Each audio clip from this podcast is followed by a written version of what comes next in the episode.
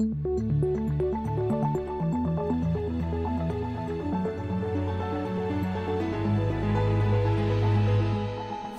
This Morning.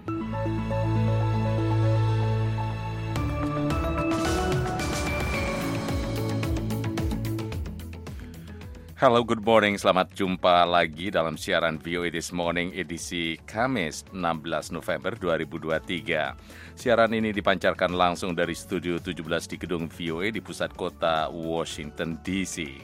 Saya Leona Triono akan mengantarkan siaran ini dan kali ini saya didampingi oleh produser Bani Rahayu dan teknisi kami Rob McLean. Thank you very much uh, Rob for being with us this very morning. Berbagai laporan terkini dan informasi menarik telah kami siapkan, di antaranya KTT Kerjasama Ekonomi Asia Pasifik atau APEC berlangsung di kota San Francisco hari Rabu hingga Jumat minggu ini. ASEAN sebagai salah satu kawasan strategis di Asia memiliki modalitas yang kuat. Pasukan Israel Rabu dini hari waktu setempat memasuki rumah sakit Al-Shifa di Gaza. WHO continues to call for the hostages to be released unharmed and without any condition. Anda juga bisa menyimak siaran ini melalui streaming langsung atau tunda di website kami www.voaindonesia.com atau melalui podcast VOA This Morning lewat platform langganan Anda tentu saja.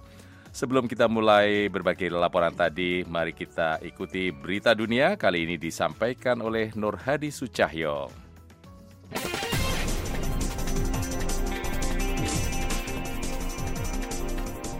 Presiden Joe Biden dan Presiden Tiongkok Xi Jinping diperkirakan akan bersepakat pada Rabu untuk memulihkan komunikasi militer ke militer antara angkatan bersenjata kedua negara ketika mereka bertemu di sela-sela KTT Kerjasama Ekonomi Asia Pasifik atau APEC di San Francisco.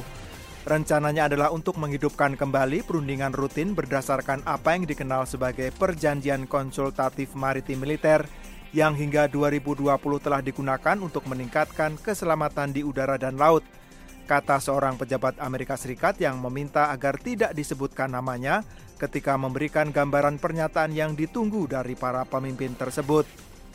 Para pemimpin militer Amerika Serikat telah berulang kali menyatakan kekhawatirannya mengenai kurangnya komunikasi dengan Tiongkok, terutama karena jumlah insiden yang tidak aman atau tidak profesional antara kapal dan pesawat kedua negara telah meningkat. Lahan basah Pantanal di Brazil Barat terkenal sebagai surga bagi keanekaragaman hayati, tetapi dalam beberapa hari terakhir, kawasan ini diselimuti awan asap raksasa yang membubung di atasnya seiring berkobarnya kebakaran hutan yang membuat kawasan luas itu hangus. Dikenal karena bentang alamnya yang subur dan banyak satwa liar termasuk jaguar, kaiman, burung beo dan monyet, Pantanal adalah rumah bagi lahan basah tropis terbesar di dunia pada waktu normal industri ekowisata yang berkembang pesat. Tetapi dalam beberapa pekan terakhir, kawasan itu telah dirusak oleh kebakaran yang mengancam satwa liar ikoniknya. Ada 2.387 titik api di Pantanal dalam 13 hari pertama November, kenaikan lebih 1000 persen dari data di sepanjang November 2022 menurut pengamatan satelit oleh Agensi Riset Luar Negeri Angkasa Brasil, INPE. E a situação que a gente está encontrando aqui é de total fora de controle os incêndios. Situasinya betul-betul tidak dapat dikendalikan dan di antara gelombang panas dan angin, situasi hanya akan bertambah buruk, kata ahli biologi Gustavo Figueroa, kepala kelompok lingkungan SOS Pantanal.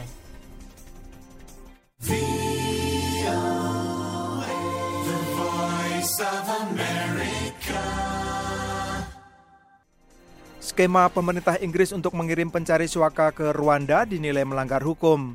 Hal itu diputuskan secara bulat oleh Mahkamah Agung Inggris pada Rabu 15 November. Keputusan itu menjadi pukulan telak bagi reformasi keimigrasian oleh Perdana Menteri Rishi Sunak menjelang pemilihan umum yang akan digelar tahun depan. Inggris berencana mengirim puluhan ribu pencari suaka yang datang ke negara itu tanpa izin ke negara di Afrika Timur tersebut. Ide itu digunakan untuk mencegah migran menyeberangi Selat Inggris dari Eropa menggunakan perahu-perahu kecil.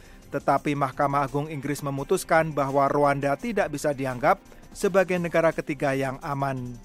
Keputusan pengadilan itu mengundang respon kemarahan dari sejumlah anggota parlemen di pemerintahan konservatif sayap kanan pimpinan Sunak yang sedang berkuasa. Eksekutif Uni Eropa telah mengusulkan pelarangan impor berlian dari dan LPG dari Rusia dalam babak baru terkait perang di Ukraina menurut dokumen yang disaksikan oleh kantor berita AFP pada Rabu. Paket sanksi ini yang harus disetujui secara mutlak oleh negara-negara Uni Eropa termasuk langkah-langkah yang bertujuan untuk mencegah Moskow menghindari aturan pembatasan harga minyak.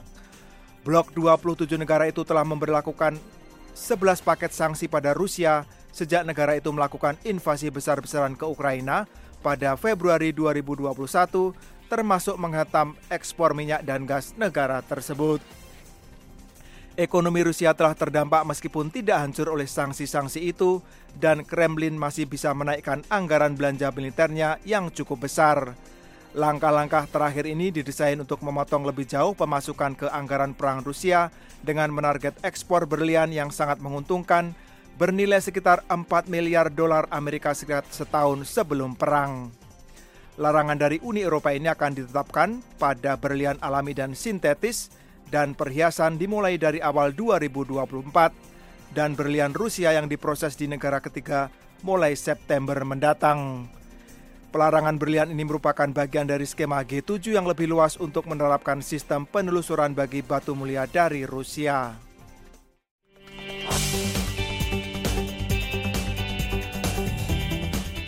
Pendengar Presiden Joko Widodo selasa malam atau Rabu pagi sampai di San Francisco, tepatnya di California itu ya, untuk mengikuti acara KTT APEC.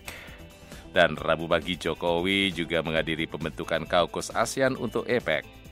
Untuk selengkapnya kita hubungi saja Rifan Duyastono dari VOA yang sekarang sedang berada di lokasi di San Francisco. Peniar, Presiden Joko Widodo sudah tiba sejak selasa malam di San Francisco untuk mengikuti rangkaian KTT APEC. Rabu pagi, Jokowi juga menghadiri pembentukan Kaukus ASEAN untuk APEC yang diinisiasi oleh Indonesia dan diikuti oleh sejumlah dewan penasihat bisnis APEC dari tujuh negara anggota APEC dari ASEAN, termasuk Singapura, Thailand, Filipina hingga Brunei, serta negara APEC non-ASEAN, termasuk Kanada dan Australia.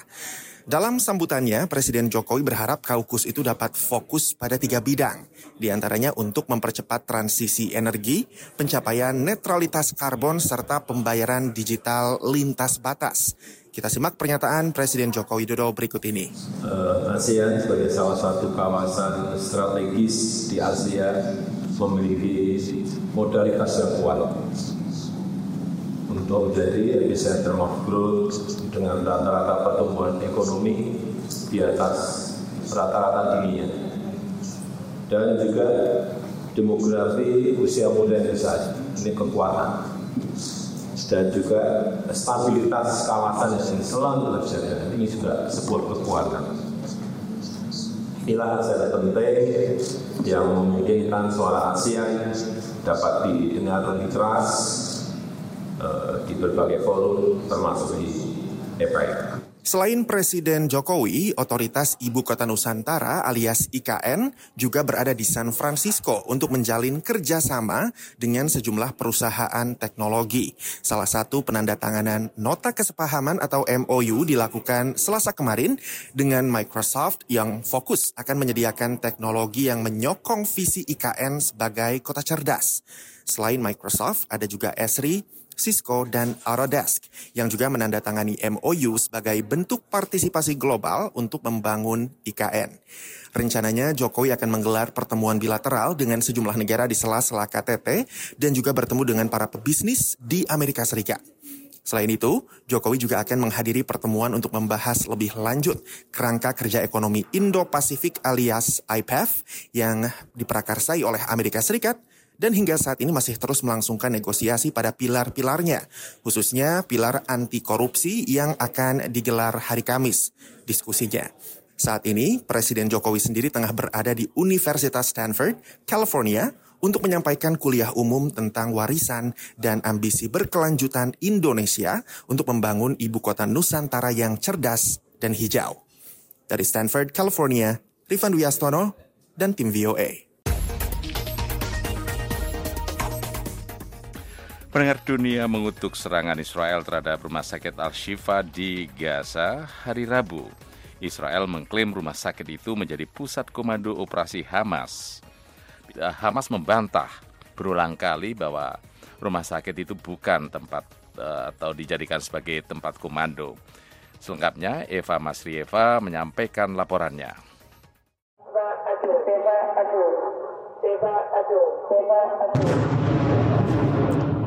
Pendengar pasukan Israel Rabu pagi memasuki rumah sakit Al-Sifa, rumah sakit terbesar di Gaza, dan menggeledah kamar dan ruang-ruang bawah tanah untuk mengejar militan Hamas. Tindakan itu memicu kekhawatiran dunia atas nasib ribuan warga sipil dan petugas medis yang terperangkap di dalamnya. Berbicara di pangkalan militer Zikim di dekat jalur Gaza bagian utara, Perdana Menteri Israel Benjamin Netanyahu mengatakan kepada para prajurit tidak ada tempat di Gaza yang tidak dapat kita masuki. Apakah kalian ingat ketika mereka memberitahu kita untuk tidak masuk ke Gaza? Kita menerobos wilayah itu. Kita diberitahu bahwa kita tidak akan mencapai pinggiran kota Gaza. Tapi kini kita tiba di sana. Kita diberitahu agar tidak memasuki rumah sakit Shifa. Kita masuk. Sejumlah pemimpin negara dan organisasi kemanusiaan mengutuk serangan itu. Dirjen WHO Tedros Adhanom Ghebreyesus menyebut tindakan itu sebagai tindakan yang benar-benar tidak dapat diterima. Israel's military incursion into Al-Shifa Hospital in Gaza City is totally unacceptable. Serangan militer Israel ke rumah sakit Al-Shifa di Gaza benar-benar tidak dapat diterima. Rumah sakit bukan medan pertempuran. Kami sangat khawatir akan keselamatan pasien dan staf. Wakil Sekjen PBB Urusan Kemanusiaan dan juga Koordinator Bantuan Darurat di Kantor Koordinasi Urusan Kemanusiaan PBB, Martin Griffiths mengatakan, Look, Hamas must not, should not use a place like a hospital as a shield Hamas tidak boleh menggunakan tempat seperti rumah sakit sebagai tameng keberadaan mereka. Ini sesuai hukum humaniter internasional. Saya memahami keprihatinan Israel yang sedang berupaya menemukan militan Hamas. Tapi itu bukan urusan kami. Urusan kami adalah melindungi warga Gaza dari apa yang menimpa mereka. Presiden Turki Recep Tayyip Erdogan secara terang-terangan menyebut Israel sebagai negara teroris. Israel menerapkan strategi penghancuran total terhadap sebuah kota dan penduduknya. Secara harfiah, melakukan teror dengan brutal yang secara sengaja mengebom warga sipil di jalan-jalan setelah memaksa mereka meninggalkan rumah mereka. Dan dengan yakin saya ingin mengatakan secara terbuka bahwa Israel adalah negara teroris. Sehari sebelum Israel menyerang rumah sakit Al-Shifa, pemimpin senior Hamas Osama Hamdan meminta PBB dan organisasi internasional lain untuk membentuk komite yang memeriksa langsung rumah sakit-rumah sakit yang diklaim Israel menjadi pusat operasi mereka. La ajab an la yusaddiqahu ahad seperti yang telah kami sampaikan satu minggu lalu, kami meminta PBB dan organisasi-organisasi internasional untuk membentuk komite internasional guna memeriksa rumah sakit-rumah sakit itu dan membuat keputusan tentang kebohongan penjajah. Saya Musreva, VOA, Washington. Pendengar Amerika Serikat memberikan hampir 2 miliar dolar bantuan kemanusiaan ke Afghanistan sejak Taliban mengambil alih kekuasaan pada Agustus 2021. Para pejabat pengawas mengatakan kepada anggota Kongres Amerika pada hari Selasa bahwa tidak mungkin mencegah Taliban mengambil keuntungan dari dana itu. Simak laporan selengkapnya disampaikan oleh Puspita Sariwati. Selagi anggota Kongres AS mempertimbangkan pemberian bantuan miliaran dolar untuk membantu Ukraina melawan Rusia dan konflik Israel dengan Hamas, muncul pertanyaan baru mengenai miliaran dolar bantuan yang dikirim ke Afghanistan sejak pasukan AS menarik diri dari negara itu pada Agustus 2021. Ketua Komite Urusan Luar Negeri DPR, Michael McCall dari Partai Republik mengatakan, Kami tahu Taliban terlibat dalam pencurian dan penyelewengan dana ini untuk tujuan jahat mereka. Yang meresahkan saya adalah pemerintahan Biden menerapkan kebijakan yang melibatkan segala cara. Amerika adalah penyumbang internasional terbesar untuk Afghanistan Tetapi John Sopko, Inspektur Jenderal Khusus untuk Pemulihan Afghanistan mengatakan kepada anggota Kongres hari Selasa bahwa ia tidak dapat menjamin dana itu akan disalurkan ke tempat-tempat yang tepat. We have documented that the uh, Taliban are receiving US funds. Kami telah mendokumentasikan bahwa Taliban menerima dana Amerika. Kami belum mengetahui jumlah pastinya. Kita tahu pencuri biasanya tidak mengatakan berapa banyak yang mereka curi. Anggota Kongres Gregory Mix dari Partai Demokrat di Komite Urusan Luar Negeri DPR mengatakan, Sangat penting bahwa kita mempertahankan ruang kita untuk berhubungan dengan Taliban. Namun saya tidak yakin kita akan memperoleh hasil kebijakan yang lebih baik jika kita menghentikan bantuan. Awal tahun ini, PBB memperkirakan penurunan 30 persen untuk bantuan internasional akan berdampak buruk pada perekonomian Afghanistan. Komisi Penyelamatan Internasional awal pekan ini memperingatkan bahwa keputusan Pakistan untuk memulangkan secara paksa puluhan ribu pengungsi Afghanistan, banyak di antaranya telah tinggal di Pakistan selama puluhan tahun, dapat memperburuk krisis. Jadi, situasi Afghanistan secara keseluruhan juga kemungkinan akan memburuk. Puspita Sariwati, VOA, Washington.